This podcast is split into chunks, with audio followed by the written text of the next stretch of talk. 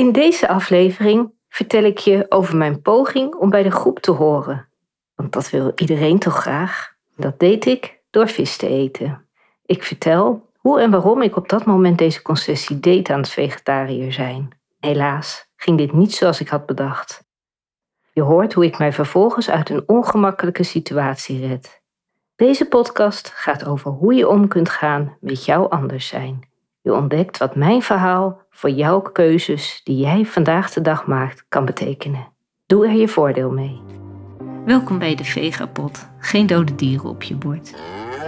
Mijn naam is Foekje en ik vertel je wat een leven lang vega eten mij heeft opgeleverd en gekost. Zodat jij lekker makkelijk en heerlijk gezond je eigen keuzes kunt maken.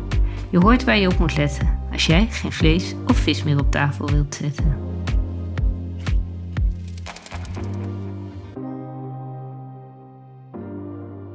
Het is 1992. Vegetarisch eten is in die tijd alleen voor geitenwolle sokkentypes. Zeker in de zakenwereld word je raar aangekeken als je geen vlees of vis wilt eten. Je bent gewoon echt een uitzondering. Het gevolg is dan ook dat gesprekken aan tafel dan veelal gaan over waarom je dan geen vlees of geen vis eet.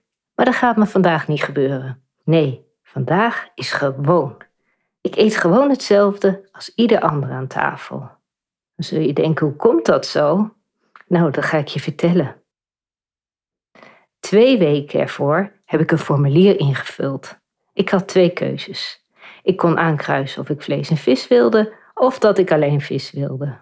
Er is verder natuurlijk geen ander vakje voor vegetarisch op dat formulier en ook geen ruimte om aanvullende dieetwensen te geven. Want je moet je voorstellen, het is 1992 en in die tijd had je gewoon nog niet veel mensen met dieetwensen. Er was bijna niemand die bijvoorbeeld glutenvrij of koolhydraatarm wilde eten.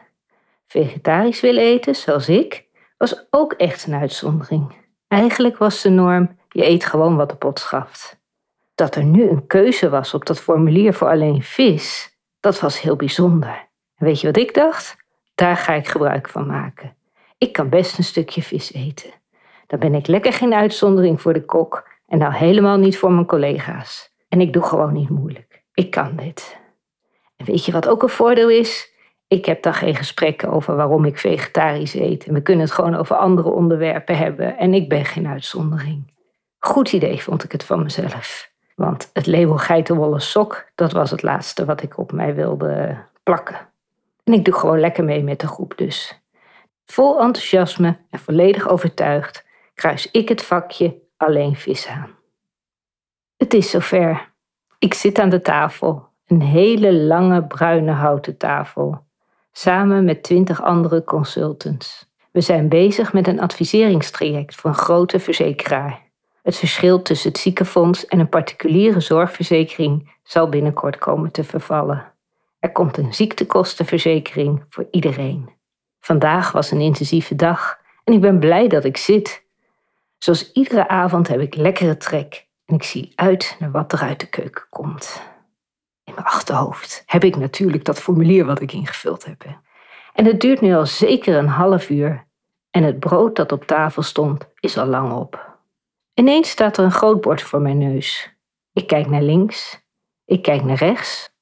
Niemand van de rest van de groep heeft eten. Alleen ik. Alles blokkeert in mijn lijf. Mijn maag vormt een dikke knoop. Ik kan mezelf wel voor het hoofd slaan. Niemand heeft natuurlijk alleen vis aangekruist op dat formulier. Ik was nog steeds een uitzondering. Oh, wat voel ik me stom. Missie gefaald. Maar weet je, dit is nog niet het ergste. Ik ben wel gewend om anders te zijn. Ik kan dit. Het is oké. Het is echt oké. En ik probeer mezelf tot rust te manen. Maar het is niet het ergste, want ik ben wel gewend om anders te zijn. Maar ik ben eigenlijk helemaal niet gewend om vis te eten. Ik heb wel een paar keer geoefend om een klein stukje vis te eten. Een stukje zalm, een stukje tong, allebei gefileerd en een keer een visstick voordeel van een visstick is, dan zie je helemaal niet meer dat het een vis is. En mijn lichaam, die kan die vis prima viteren. Ik krijg er geen buikpijn van. Het gaat gewoon in mijn mond en verlaat mijn lichaam soepel via mijn kont. Maar dit is anders. Ik kijk naar het grote bord dat voor mij staat. Is er dan niemand die dit ook heeft? Mijn maag trekt nog verder samen. Ik krimp helemaal ineen. Ik voel me alleen, samen, met die vis op mijn bord als gezelschap. Is er nou verder niemand die mij kan helpen? Het is alsof we allebei naar lucht willen happen, ik en die vis. Ik staar naar de glazige ogen, het half open bekkie, de bruin-grijze kleur, de staart nog volledig intact, alsof de vis zo weg kan zwemmen. Maar deze vis die gaat niet meer zwemmen. Deze vis is klaar om opgegeten te worden, om zo in mijn mond te verdwijnen, dan via mijn maag naar mijn darmen te glibberen en dan te eindigen in de wc-pot.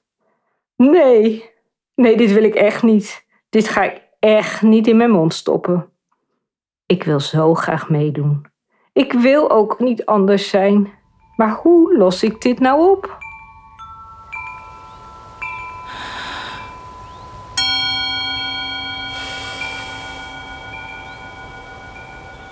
Het is wel duidelijk dat ik van de vis walg. Wat doe ik vervolgens? Wat denk je? Welke van de volgende drie acties ga ik doen? Keuze 1. Ik ben ver uit mijn comfortzone.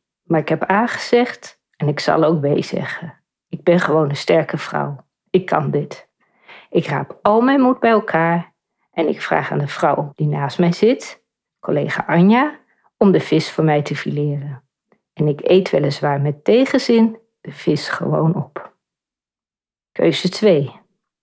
Ik word er echt onpasselijk van. Ik ren naar de wc om het brood wat ik net op heb uit te kotsen. En als ik terugkom aan tafel, zeg ik dat ik mij niet zo lekker voel. En dat ik alleen wat groenten en de aardappels eet. De forel wordt door collega Anja, mijn buurvrouw aan tafel, lekker opgegeten. Keuze 3.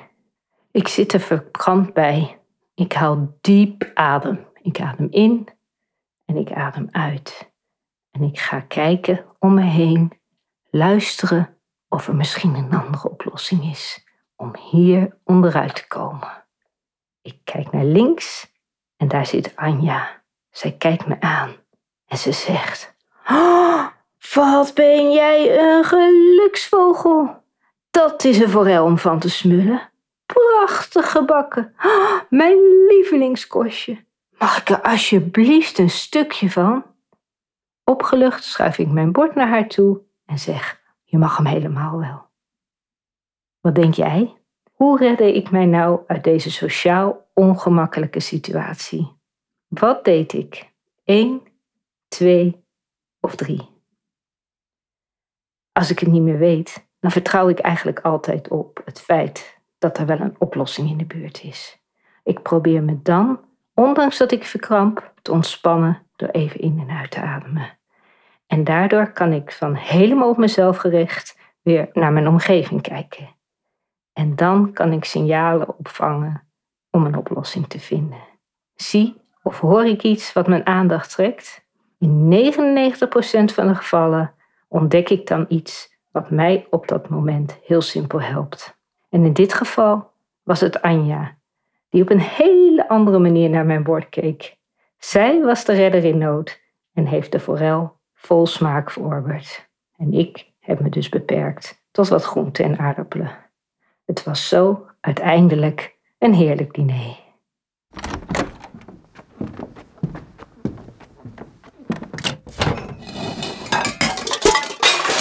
Potjantiki, wat zijn de tijden toch veranderd? Was ik in 1992 toch echt een uitzondering als ik met een groep uit eten ging? Nu ben ik gewoon.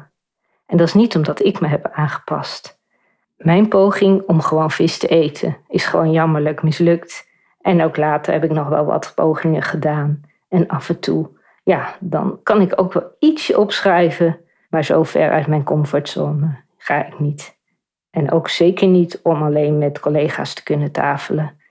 Ik eh, sta er gewoon voor, voor wat ik doe en wat ik gekozen heb. En dat is vegetarisch eten.